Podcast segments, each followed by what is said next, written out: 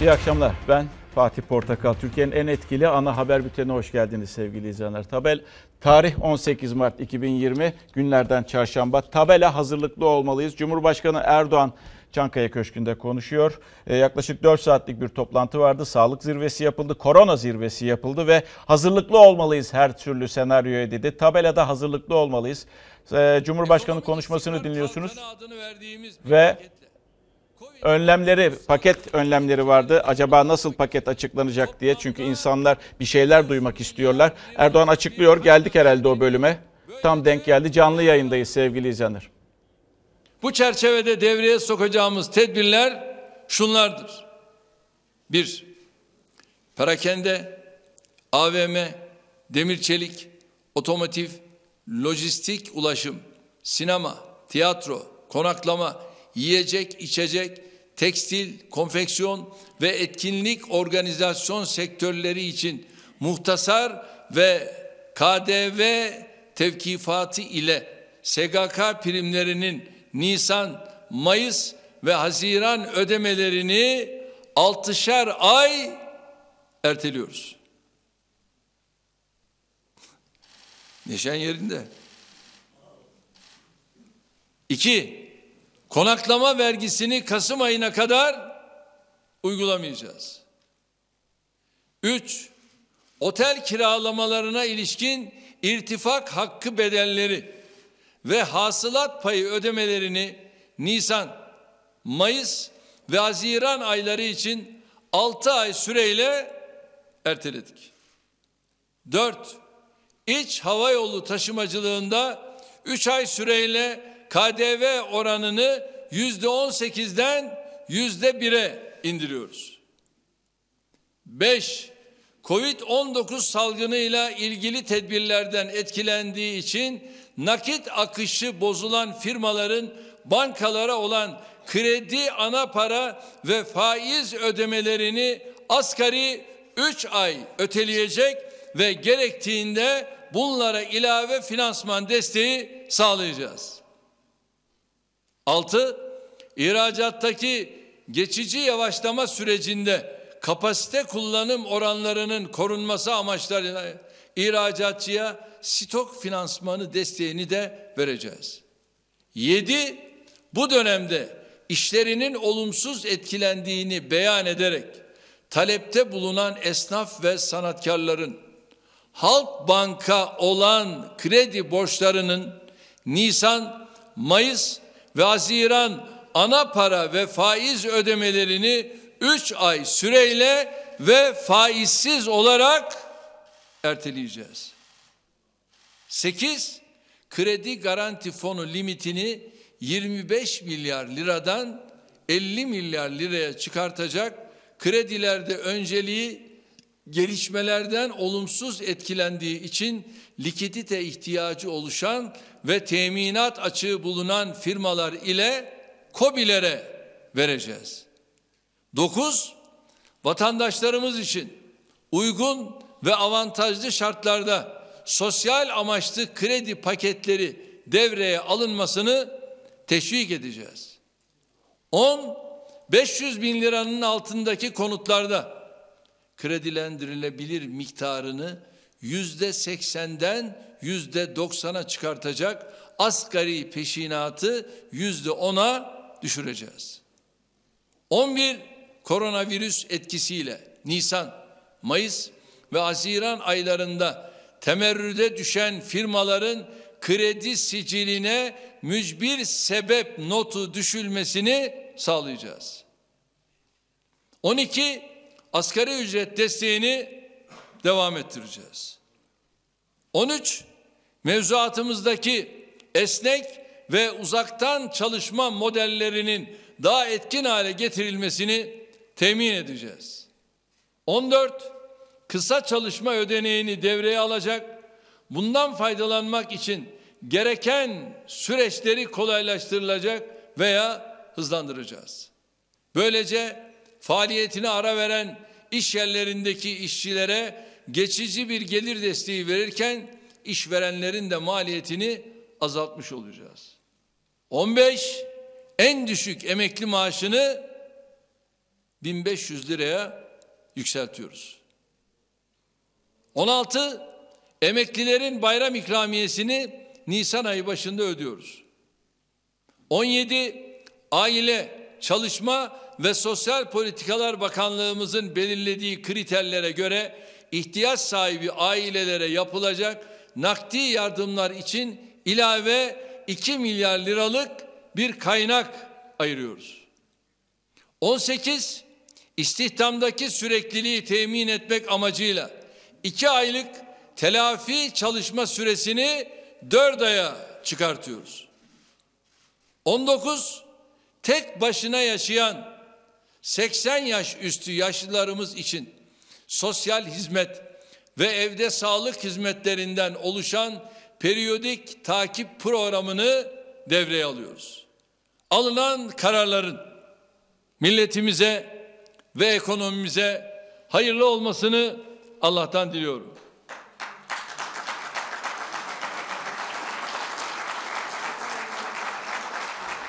Cumhurbaşkanı sevgili izleyenler açıklamasını yaptı. Yaklaşık e, 45 dakikadan bir saate yakın bir konuşmaydı. İlk başta e, özetledi nereden nereye gelindiğini, neler yapıldığını bir de ondan dinledik. Sonrasında tam yayına başladığımızda 19'da da e, maddeleri açıkladı. Herkes bu maddeleri merak ediyordu. Bir, öncelikle şunu söyleyeyim. Ek tedbir yok e, vatandaşlara ama şöyle bir şey. Vatandaşlar bu tedbirleri uygulamak zorunda. Yani sağlık tedbirlerini uygulamak zorunda. Ne var ki eğer e, bir esneklik söz konusu olacak olursa veya vatandaşlarda bir isteksizlik söz konusu olacak olursa onun biraz da e, sinyalini verdi gibi. Yani önlemlerin e, sertleşebileceğinin, tedbirlerin arttırılabileceğinin sinyalini verdi dedi. Her türlü senaryoya hazırlıklı olmalıyız dedi. Bir de merak edilen ekonomik paket e, ne olacak? O merak ediliyordu. Çünkü neden diyeceksiniz? E, şimdi evet salgını konuşuyoruz. Bir müddet sonra mutlaka kontrol altına alınacak ama o süre boyunca da dünya ekonomileri ister istemez Türkiye ekonomisi de bundan etkileniyor ve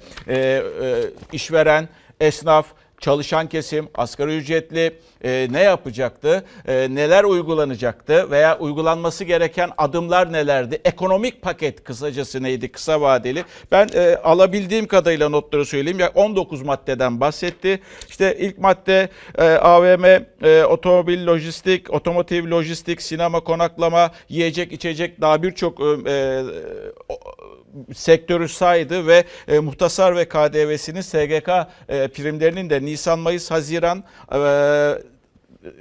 6'şar ay Nisan, Mayıs, Haziran'da dahil olmak üzere 6'şar ay e, ertelendiğini e, söyledi. Konaklama vergisi çok tartışılmıştı geçtiğimiz dönemde. Konaklama vergisi Kasım ayına kadar uzatıldı. E, uygulanmayacak. İç e, hava yolu için, iç hava yollarında uçan şirketler için 3 ay KDV %18'den %1'e indirildi.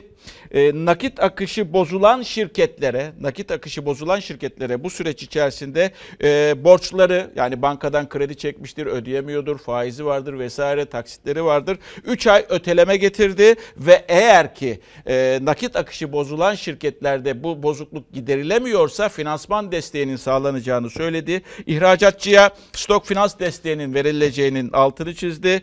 E, olumsuz esnaf, küçük esnaftan bahsedeyim.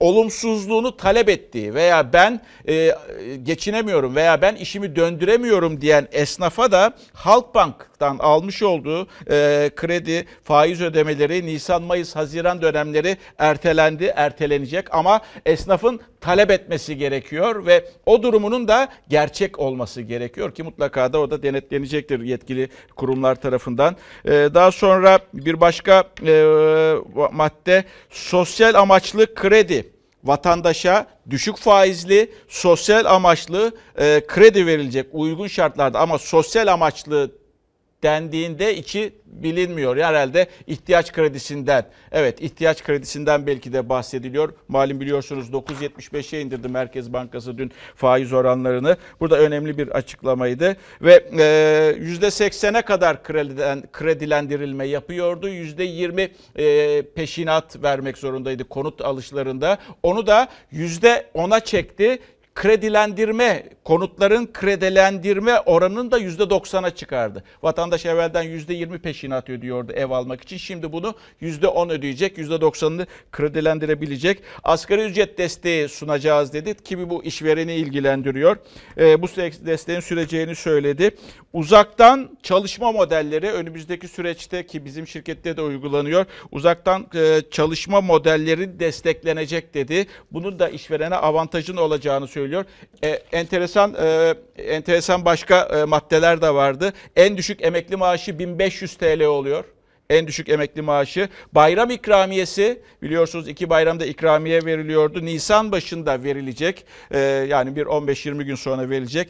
Nakdi yardım ihtiyacı olanlara 2 milyar lira arttırılıyor ve e, tek yaşayan 80 yaşındaki vatandaşlarımıza, yurttaşlarımıza da sosyal hizmet takip programının uygulanacağını söyledi. Paket bu. Toplam bütçesi ne kadardır diyecek olursanız onu şu an için söylemem tabii ki mümkün değil ama onun da detayları çıkacak diyelim. Birazdan Ankara'ya da gideceğiz, detayları paylaşacağız ama en öncesinde tabii ki e, istenmeyen bir durumdu. E, maalesef ilk hayatını kaybeden kişi Sağlık Bakanı tarafından açıklandı bu koronavirüsü veya işte e, Covid Covid-19 dedikleri bu e, hastalık e, ve bunun sonrasında o gözlemin sonrasında hayata tutunamadı sevgili izleyenler vatandaşımız ve Fahrettin Koca vaka sayısını da açıkladı. Şu anda 98 vaka var.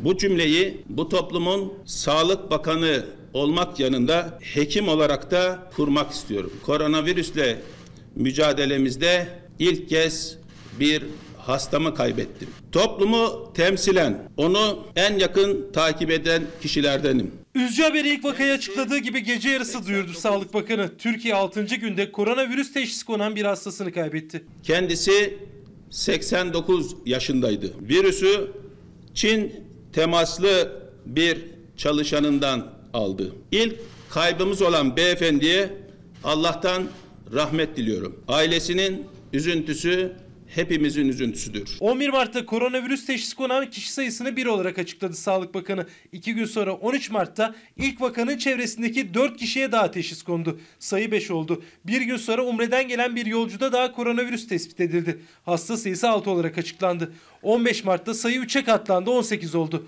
16 Mart'ta 47'ye çıktı ve hastalığın Türkiye'ye girmesinin 6. gününde yeni rakamı yine gece yarısı bakan açıkladı. Yapılan testlerde pozitif sonuç 51 kişidir. Toplam hasta sayımız 98 olmuştur.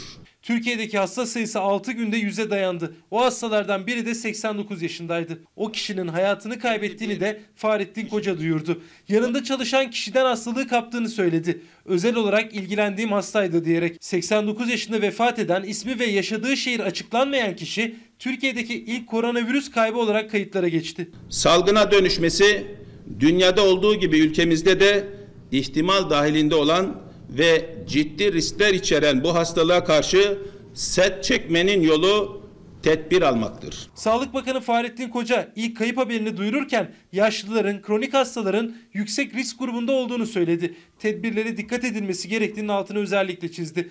Dünyada da koronavirüs teşhisi konan kişilerin iyileşme oranının yüksek olduğunu özellikle belirtti. Pozitif sonuçların büyük kısmı iyileşme ile sonuçlanıyor. Dünyadaki sonuçlar iyi biliniyor. Net bir iyimserlik yaratıyor.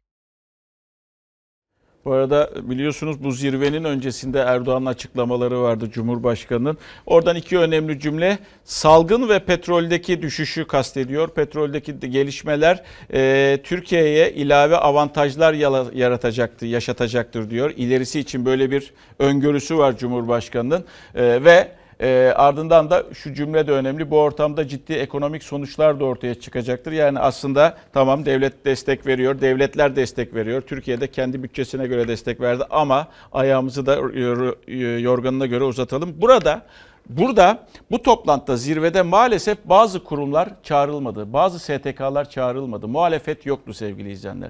Türkiye Tabipler Birliği yoktu. DISK çağrılmadı. KESK çağrılmadı ve soruyoruz. Neden çağrılmadı? Niçin bu toplantıda değildi? Çünkü e, Sağlık Bakanı'nın bir cümlesi var. O cümle artık motto haline geldi. Neydi o? E, biliyorsun Sağlık Bakanı'nın e, e, sorun sorun küresel, sorun küresel, mücadele ulusal diyordu. Bu cümle aslında her şeyi açıklıyordu. İşte mücadelenin ulusal olduğu bir yerde e, maalesef Türk Tabipler Birliği gibi, KES gibi, e, DİSK gibi bazı e, sendikalar muhalefet kimliğiyle, muhalif kimliğiyle bilinen sendikalar çağrılmadı. İşte DİSK açıklama yaptı. Cümlede arkadaki gibi ayrımcılık sağlığa zararlıdır dedi. Bir kez daha hatırlatacağım ben size Sağlık Bakanı'nın o cümlesini. Çünkü bir e, motto haline gelen bir slogan haline gelen cümleydi. Sorun küresel, mücadele ulusaldı. Ama mücadele ulusal yapılırken bazı ayrımcılıklar maalesef yine unutulmadı.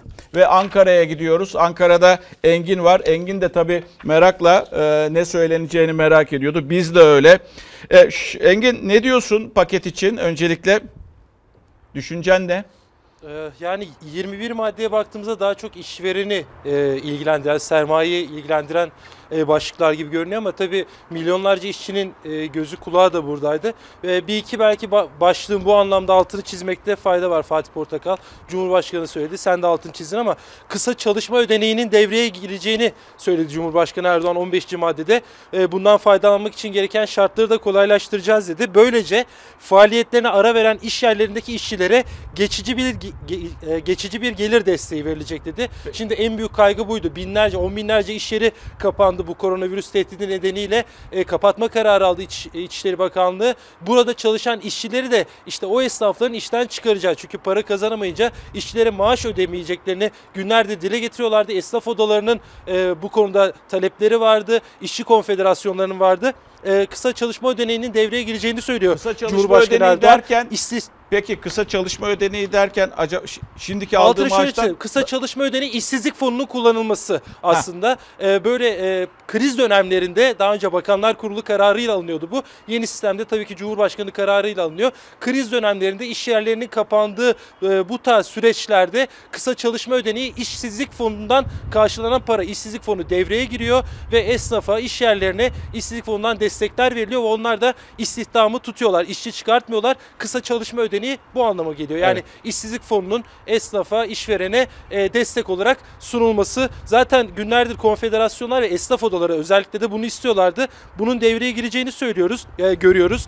İstihdamdaki sürekliliği temin etmek amacıyla 2 aylık telafi çalışma süresini 4 ay 4 aya çıkarılacak diyor. Dedi, Ama tabii evet. 21 maddenin genel geneline baktığımızda daha çok işvereni ilgilendiren maddeler Evet, ve e, aldığımız bilgiye göre toplam bu 21 maddenin kaynağı da 100 milyar TL civarında Fatih Portakal. 100 milyar TL liralık bir aşağı yukarı Evet, 15-20 gelen bilgi o- milyar dolar 15-20 milyar dolar civarında bir para yapıyor herhalde. Yanlış hesaplamadıysak. evet E, dolar 15 kurundaki milyar. artı dolar kurundaki artışı hesaplarsak Evet. yaklaşık 15 E, milyar e, dolar bu civarında. arada- E, Şunu da söyleyelim. ee, en düşük emekli maaş 1500 lira. O bu arada e, bin, bin aradan liraydı. çıktı. bin- evet.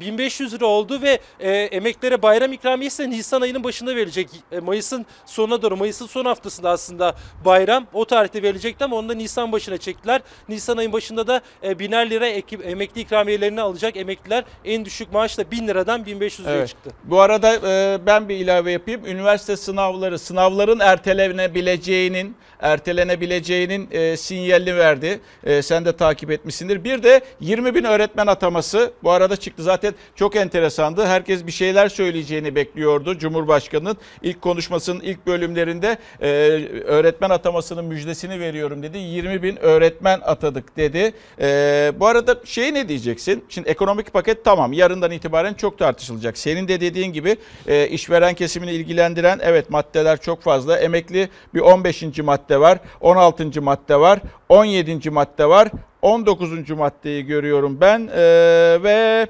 8. maddeyi görüyorum ben. Onun dışında e, genelde işvereni e, inceliyor gibi ama tabii bu ilk bakış E, biraz daha detaylı bakmak gerekiyor.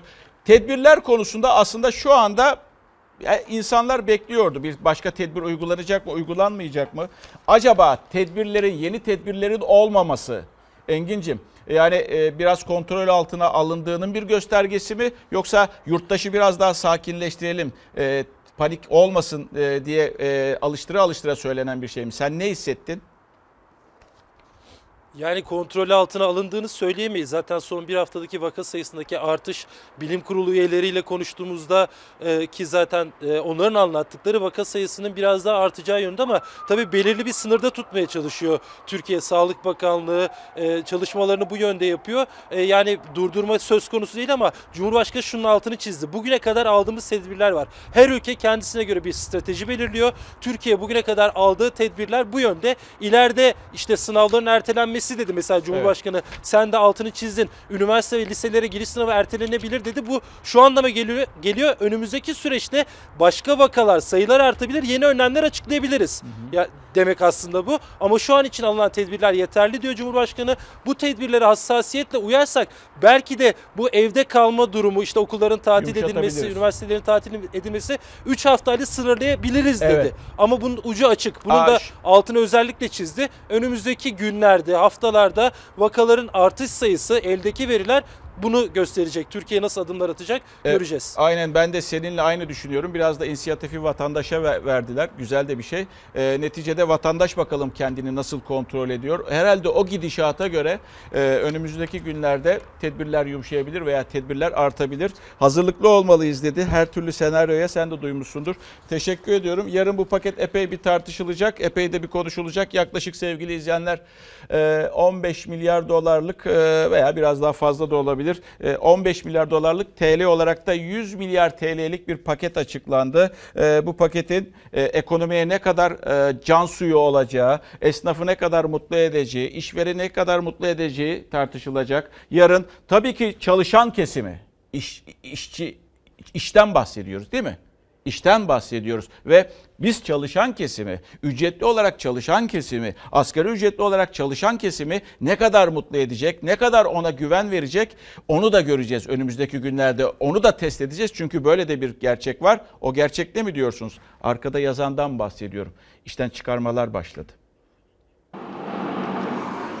İşler e, berbat. Hiç kimse yok işte. Çalışanlar olsun, işverenler olsun çok kötü. İstanbul'un en işlek caddeleri artık boş. İşte koronavirüsten öncesi ve sonrası İstiklal Caddesi civarının. Sokaklar boş, dükkanlar ya yasak nedeniyle kapalı ya da açık olanlarda müşteri yok. Zaten sorun olan işsizlik gerçeği büyüyor. İşveren ya işten çıkarıyor ya da süresiz ve ücretsiz izne yolluyor. Kaç kişi çalışıyor?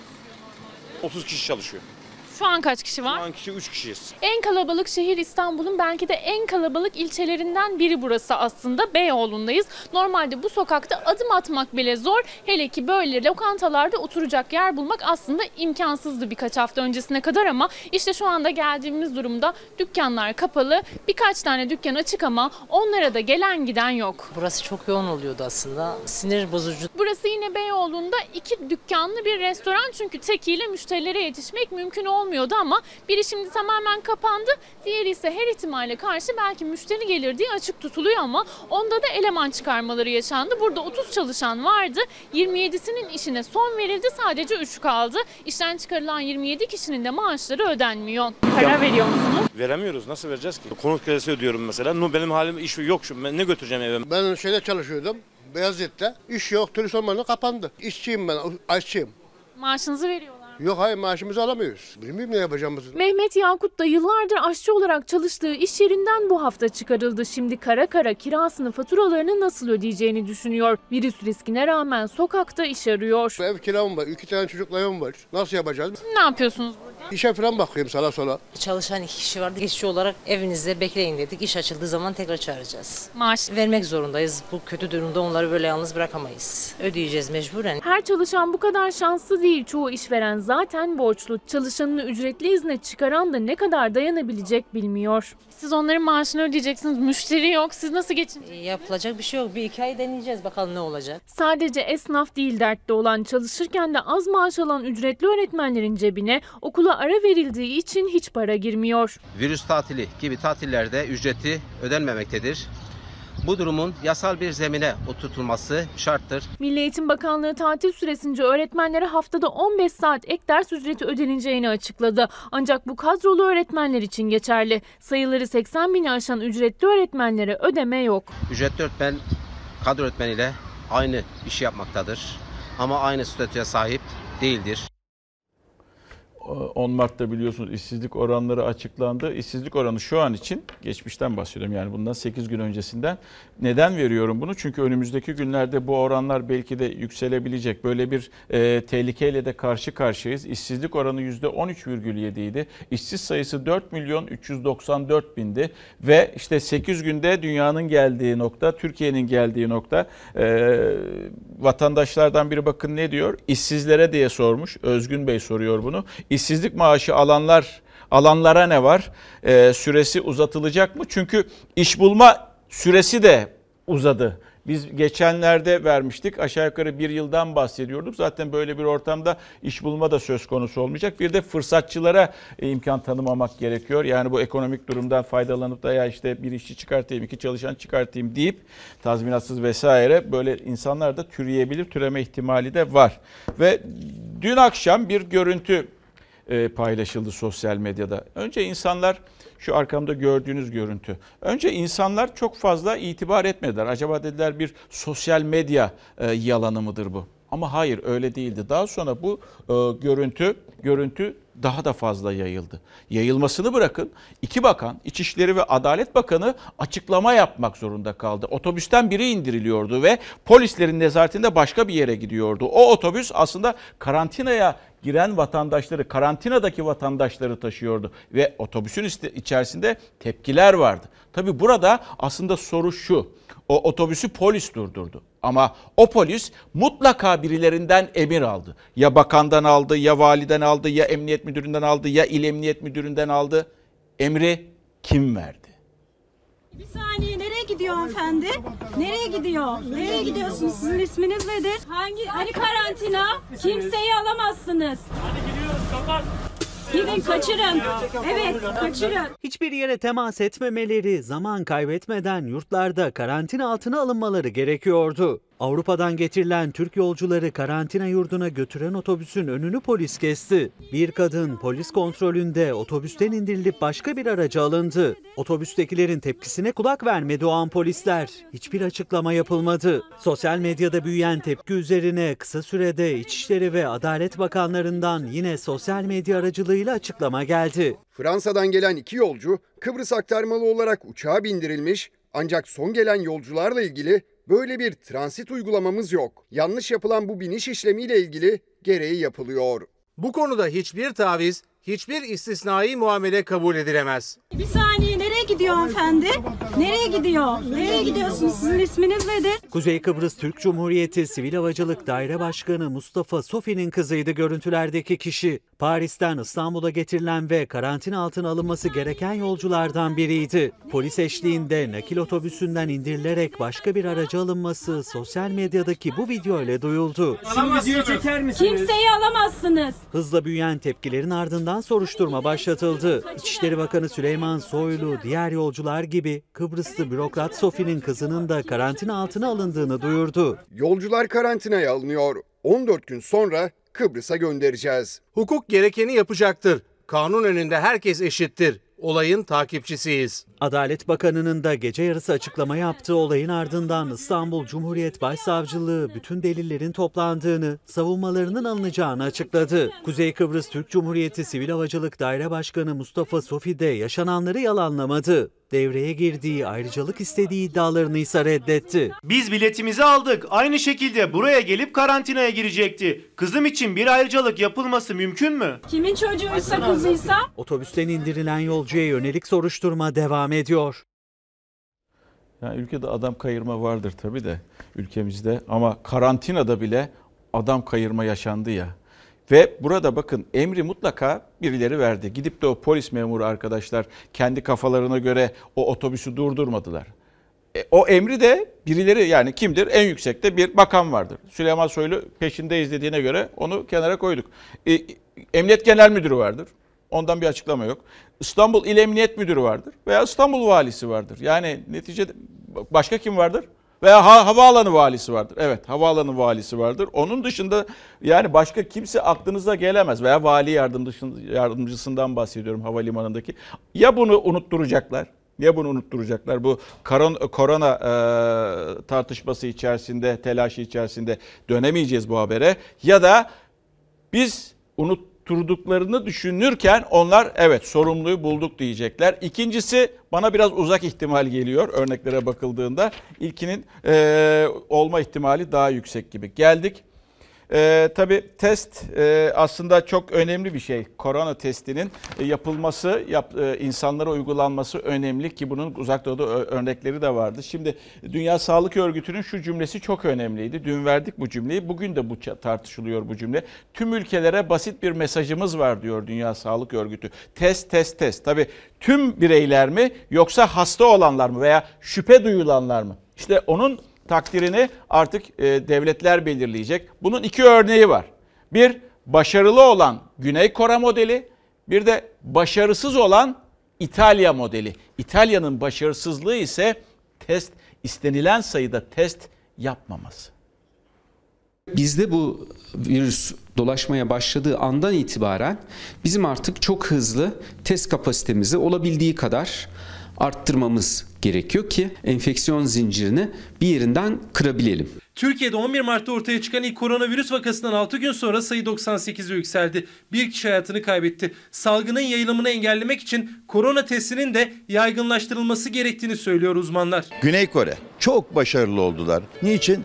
Test yaptılar, hastayı tespit ettiler, izole ettiler. Güney Kore'nin yaptığı kadar geniş yapmak hani eğer çok imkanınız varsa hani yapabilirsiniz. Hastalıkla bir haftadır mücadele veren Türkiye'nin önünde iki önemli model var. Biri Güney Kore, diğeri salgının hızla yayıldığı, ölümlerin arttığı İtalya. İki ülke arasında en büyük fark test uygulaması. Testleri yaygınlaştırıp biraz daha erken tanı koymamız o hastalar için değil ama e, ikinci halkayı bulup toplumdan ayırıp dolayısıyla o 25 kişinin 125 kişiyi enfekte etmesini engellemek için çok önemli. Güney Kore koronavirüs testini en yoğun uygulayan ülke. Günde 20 bine yakın Güney Koreliye test yapılıyor. Koronavirüsün zincirini kırmak için. İtalya'da ise test sadece koronavirüs semptomları gösterenlere ve şüphelilere uygulanıyor. İki ülkedeki farklı uygulama vaka sayılarına da yansıdı. Güney Kore e, mobil test istasyonları bile kurdu. Hani arabanızla geliyorsunuz, hiç arabanızdan inmeden ağzınızı açıyorsunuz, sizden örnek alıyorlar. 1 Mart'ta Güney Kore'de vaka sayısı 3736 idi. İtalya'da 1128. 6 Mart'ta Kore'de 6593, İtalya'da 4636. Yani Güney Kore'deki hasta sayısı İtalya'dan fazlaydı. 11 Mart itibariyle tablo değişti. Güney Kore'deki vaka sayısı 7755 olarak açıklanırken İtalya'daki vaka sayısı 12462'ye tırmandı ve tarih 17 Mart. Güney Kore 8413, İtalya 31506 vaka. İtalya'daki ölüm oranı da katlandı. Ne kadar çok test yaparsak Türkiye satında o kadar çok tespit ederiz ve o zaman bu zinciri kırabiliriz. Güney Kore'deki vaka sayısı artışının durmasının nedenini test uygulamasının artmasına bağlıyor uzmanlar. Türkiye'nin stratejisi merak ediliyor. Bulgusu olanlardan test için numune alıyoruz. Ateş ve öksürükle birlikte son 14 gün içerisinde yurt dışında bulunmak. Türkiye'de koronavirüs bulgusu saptananlara, yurt dışı teması olanlara test uygulanıyor. Bugüne kadar test uygulanan kişi sayısı yaklaşık 10 bin. Güney Kore ise 300 binin üzerinde. Güney Kore kadar çok değil ama İtalya kadar da az olmamalı diye düşünüyoruz. Herkese yapalım diye bir şey söz konusu olamaz. Zaten gerek de yok. Dünya Sağlık Örgütü şüpheli vakaları ve semptom olanlara testi öneriyor. Herkese test yapılmasını önermiyor. Dünya Sağlık Örgütü Türkiye temsilcisi herkese test uygulanmasını önermiyoruz dedi ama bir gün önce Dünya Sağlık Örgütü direktörü test test test diyerek uygulamanın yayılımı önlemesindeki rolünün altını çizdi. Bilim Kurulu üyesi Alpay Azap Türkiye'nin İtalya olmaması için mücadele edildiğini söyledi. Hangi ülkeye benzeyeceğimiz tamamen bize bağlı. İtalya kadar kötü olmayız diye düşünüyorum. Ama e, açıkçası hani Singapur gibi, Hong Kong gibi bazı ülkeler bunu çok böyle e, onlu yüzlü rakamlarda durdurabildiler. E, biz onlar kadar da iyi olamayabiliriz. Bu arada bakın e, az önce paket açıklandı ya. Şimdi ister istemez de bunun yankıları çok fazla olacak. Firmaların kredileri erteleniyor. Öyle e, bir madde var. Fakat çalışamayan işçilerin ev kredileri ve ihtiyaç kredilerine bankaların erteleme durumu var mı Fatih Bey diye sormuş. Hayır, yok. Ee, e, üstüne üstlük e, şöyle bir madde var. Yani piyasa hareketlensin, piyasa durmasın diye o maddeyi e, koydular diye düşünüyorum. O da nedir? İhtiyaç kredileri istenilen koşullarda verilmesi, insanlara dağıtılması. Yani bir para arzının olduğunu düşünü görüyorsunuz aslına bakacak olursanız. Şimdi burada az önce Türk Tabipler Birliği'ni gördünüz. O çağrılmadı. disk çağrılmadı, KESK toplantıya çağrılmadı. Bunun muhalefet partileri çağrılmadı. Bunu da özellikle belirtmek istiyorum. Mücadele çünkü ulusal uluslararası bir sorundan mücadelesi ulusal e, mücadelesi ulusal olan bir e, durumdayız. Sorunla karşı karşıyayız. O sloganı bulan da Sağlık Bakanı'ydı ve bu durumda dahi bu durumda dahi maalesef bazı e, sivil toplum kuruluşları, bazı kurumlar dışlanıyor. Bu da akıl alınabilecek bir durum değil. Nasıl böyle bir şey olabilir diyorsunuz. Bakın vaka sayıları şu anda e, paylaşayım sizlerle. Bir 11 Mart'ta bir vaka sayısı vardı. 17 Mart o 98 vaka sayısı var 17 Mart e, e, e, itibariyle. Bir de hayatını kaybeden bir vatandaşımız var. Artan eğiliminde diyeceksiniz ki ya ne olmuş ki zaten birden 98'e gelmiş. Hayır öyle düşünmeyiniz. İtalya örneğiyle, Frans, İspanya örne- örneğiyle, İngiltere örneğiyle bunu karşılaştırabilirsiniz sevgili izleyenler. İşte önle- yeterince önlem almayan ülkelerden bazıları. İran. Mesela hiç karantina uygulamadı ve şu anda hala sorunla baş etmeye çalışıyor. İtalya ikinci patlak veren yerdi bildiğim kadarıyla ilk Fransa'da çıkmıştı. İtalya'da yeterli önlemler alınamadığı için şu anda İtalyanlar ev hapsinde evden dışarı çıkarmıyorlar. İspanyollular da keza öyle. Bir de bir de bir de o da önemli. O da önemli. Özür dilerim. Onu da verelim. Wuhan'da başlamıştı. Çin'in e, e, kenti Wuhan'da başlamıştı. Wuhan'da salgın yani koronavirüsü salgını kontrol altına alındı. Küresel virüs salgınında can kaybı 8 bini geçti. İngiltere ve Avusturya'da iki Türk vatandaşı hayatını kaybetti. Vaka sayısı 200 binin üzerine çıktı. Hızla yayılan koronavirüsün ekonomik etkilerini en aza indirmek için teşvik paketleri hazırlandı. Avrupa'nın merkez üssü olduğu yeni tip koronavirüs Covid-19 dünya ekonomisini de vurdu. Birçok ülke piyasaları korumak için önlemler aldı. Fransa'da küçük şirketlerin gaz ve elektrik faturaları ile kiraları askıya alındı. Şirketlere 300 milyar euroluk banka kredisi ayrıldı.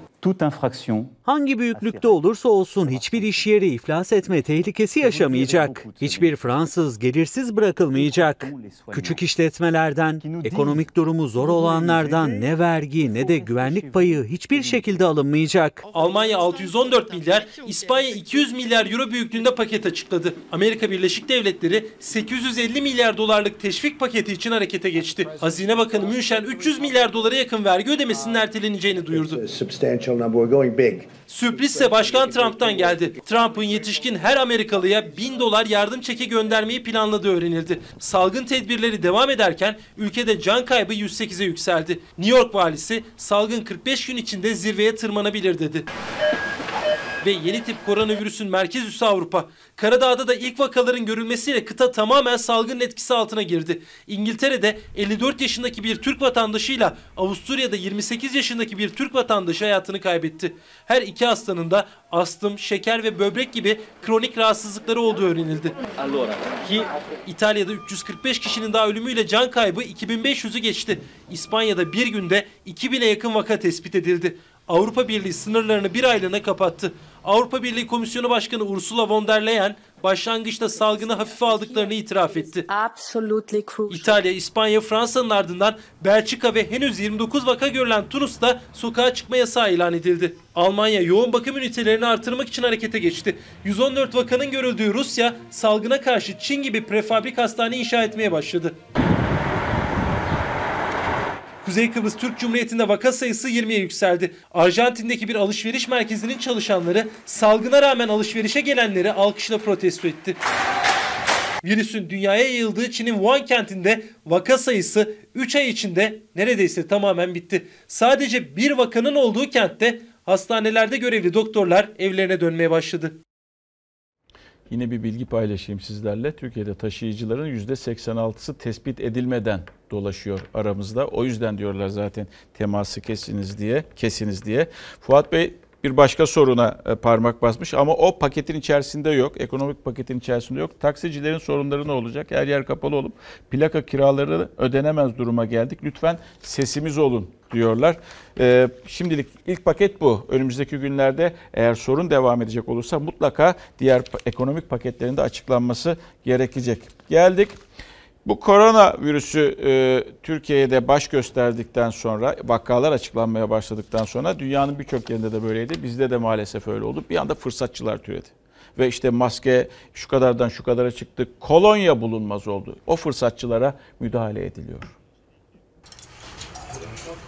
Bulamıyoruz ki maske bul. Elimizde olanları da uzun zaman kullanmayın diyorlar. Bilmiyoruz ne yapacağız. Ben de kalp hastasıyım. En çok da kronik hastalığı olanlar için hayati maske ama ya bulunamıyor ya da fiyatı fırladığı için hastaların almaya gücü yetmiyor. Sağlık Bakanlığı devreye girdi. Filtreli özel maskeler reçeteyle satılacak artık. Yüzünüzdeki tek kullanımlık?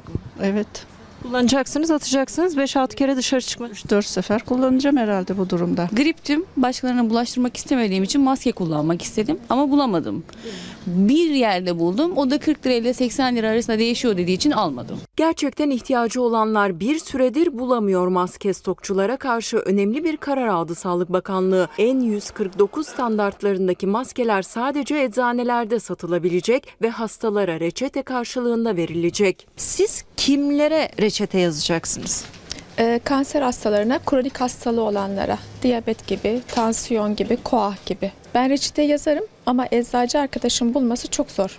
Maske özellikle bulması çok zor. Nereden bulacağız biz? Yok maske? Yani şu an hala yok. Daha önce 50 kuruşa 1 liraya satmış olduğumuz maksimum maskeyi şu an ben kaça satacağım bunu? Maskeler gibi dezenfektanlar ve kolonyalar da zor bulunuyordu. Eczacılara antiseptik hazırlama izni çıktı. Dünya Sağlık Örgütü'nün uygun gördüğü formüle göre artık eczacılar kendi dezenfektanlarını üretebilecek. Daha önce eczacıların aylık 2 litre alkol alabilme sınırları vardı. O limitte kaldırıldı. Ancak zaten antiseptik hazırlamaya yarayan o alkolün de fiyatı çok arttı. 120-130 liraya bulabiliyorduk veya daha e, az bir fiyata da bulabiliyorduk. Ama şu an bunun 2 çarpı 2 çarpı 3 katı neredeyse çıktı. E, Oda tarafından verilen fiyat 300 liraya yakın. Bunu biz nasıl satacağız? Nasıl teminini yapacağız ve kaça satacağız bunu? Etil alkolden önce Türkiye'nin ihtiyacı karşılansın, fiyat artışının önü kesilsin diye Ticaret Bakanlığı ihracatı izne tabi tutma kararı aldı. Aynı zamanda kolonya, dezenfektan ve maske kumaşı da ancak izinle yurt dışına satılabilecek. Gıda stoklayanlar içinse açıklama Tarım Bakanlığı'ndan geldi. Toprak Mahsulleri Ofisi stoklarında besici, yetiştirici, sanayici ve tüketicinin ihtiyacını karşılayacak yeterli miktarda ürün bulunmaktadır. Bakan Pakdemirli tedarik zincirinde herhangi bir sıkıntı olmadığını söyledi. Herkesin canı burnunda zaten. Sen buradan sırayı gördün geçtin oraya kadar. Verilmesi gereken bir haberdi bizim için. Burhan Kuzu yalanını itiraf etti. Tahliye ediliyor İstanbul'da. İşte o arabasına falan çıktı. Ve işte birileri tahliyede benim sanki dahlim varmış gibi. Talimat ve telkinde bulunmaksızın düşüncemi iletmek amacıyla Cevdet Özcan'ı telefonla aradım. Eğer delil yoksa tutuklanmanın bir tedbir olduğunu, serbest bırakılabileceğini söyledim. Bir kelimeyle ifade edecek olursam bu nasıl bir ifade derseniz korkunç bir ifade. İki kelimeyle ifade edecek olursam utanç verici bir ifade. Yargıya baskı kurduğu iddialarını her seferinde reddetmişti Burhan Kuz ancak savcıya verdiği ifadede İran uyuşturucu kaçakçısı Zindaşti'nin davasına bakan hakimi aradığını itiraf etti. Eski bir öğrencim olan Zindaşti'nin avukatı İlker uzman görüşü şeklinde hukuki mütalamı mahkeme hakimine bildirmemi istedi. Hukuk Politikaları Kurulu üyeliğinin devam ediyor olması bu pisliğe burasına kadar battığının göstergesi. Bu kokuşmuşluğun itirafı. Benim bu işte ne işim var? İran uyuşturucu baronu Firari Zindaşti'nin tahliye edilmesinde dahli olduğu iddiasını hep yalanladı Burhan Kuzu. Zindaşti'nin serbest bırakılması için hakimi aradığı iddiasına karşı son açıklamasını 12 Şubat'ta yapmıştı. Hiçbir hakimi arayıp baskı kurmadım. Ortada bir mahkeme kararı mı var? Yargısız infaz yapmayın. Senin kuzuluğunu sevsinler. Burhan Kuzu hakimleri aramadım dedi ama Zindaşti davasına bakan hakimin Burhan Kuzu tahliye için baskı yaptı ifadesi Hakimler ve Savcılar Kurulu'nun müfettiş raporuna girdi. O rapor doğrultusunda İstanbul Cumhuriyet Başsavcılığı da Burhan Kuzu hakkında soruşturma başlattı. Talimat ve telkinde bulunmaksızın düşüncemi iletmek amacıyla Cevdet Özcan'ı telefonla aradım. Kendisine Zindaşti'nin hakkında delil bulunmadığını ve tutuklama süresinin dolduğunu iddia ettiklerini söyledim. Tahliye edilmesi gerektiği hususunda bir görüş bildirmedim. Bu cümleler de Burhan Kuzu'nun 6 Mart'ta savcıya verdiği ifadeden eski açıklamalarını yalanladı Burhan Kuzu. Zindaşti davasına bakan hakimi aradığını itiraf etti. Ben binlerce hukuk fakültesi öğrencisine hocalık yaptım. Çok sayıda hakim, savcı öğrencim vardır. Bu nedenle hakimler ve savcılarla sıklıkla görüşürüm. Siyasetçi kimliğim de var. İnsanların mağduriyetini giderecek talepleri idari makamlara iletirim. Oysa hakim bir idari makam değil. Hakim bir yargı merciği. Kimse onlara talimat veremez. Aramış, tutuksuz yargılanmasıyla ilgili talebi iletmiş. Sadece davaya bakan 5. Suç Ceza Hakimini değil, itiraz merci olan 6. Suç Ceza Hakimini de aradığını kabul etti Burhan Kuzu. Hakkında nasıl bir işlem yapılacak? Gözler yargıda. Çanakkale Deniz Zaferleri'nin 105. yıl dönümüydü sevgili izleyenler. Büyük zaferi. Tarihin akışını değişen zafer, e, tarihin akışını değiştiren bir zaferden bahsediyoruz. Ee, şehitlerimizin ruhları şad olsun diyelim. İyi ki varlarmış. İyi ki biz varız şu anda çünkü onlar olduğu için biz varız. Çok teşekkür ediyoruz ve minnetle de anıyoruz. Ama korona e, virüsünün e, gölgesi düştü. E, maalesef törenler istenildiği gibi yapılamadı. Başta e, layıkıyla yapılamadı aslında bakılacak olursanız. Başka başka e, illerde de e, törenler düzenlendi. Sade törenlerdi. Başta Gazi Mustafa Kemal Atatürk olmak üzere tüm şehitlerimizden Allah rahmet eylesin. İyi ki vardınız. Sizleri minnetle anıyoruz ve saygıyla anıyoruz. Reklam. Kapatıyoruz sevgili izleyenler. Bizden hemen sonra yeni bölümüyle Öğretmen dizisi ekranlara geliyor. İzleyebilirsiniz. Yarın daha mutlu, daha huzurlu, daha güvenli bir dünya ve tabii ki Türkiye'de buluşmak umuduyla. Hoşçakalın.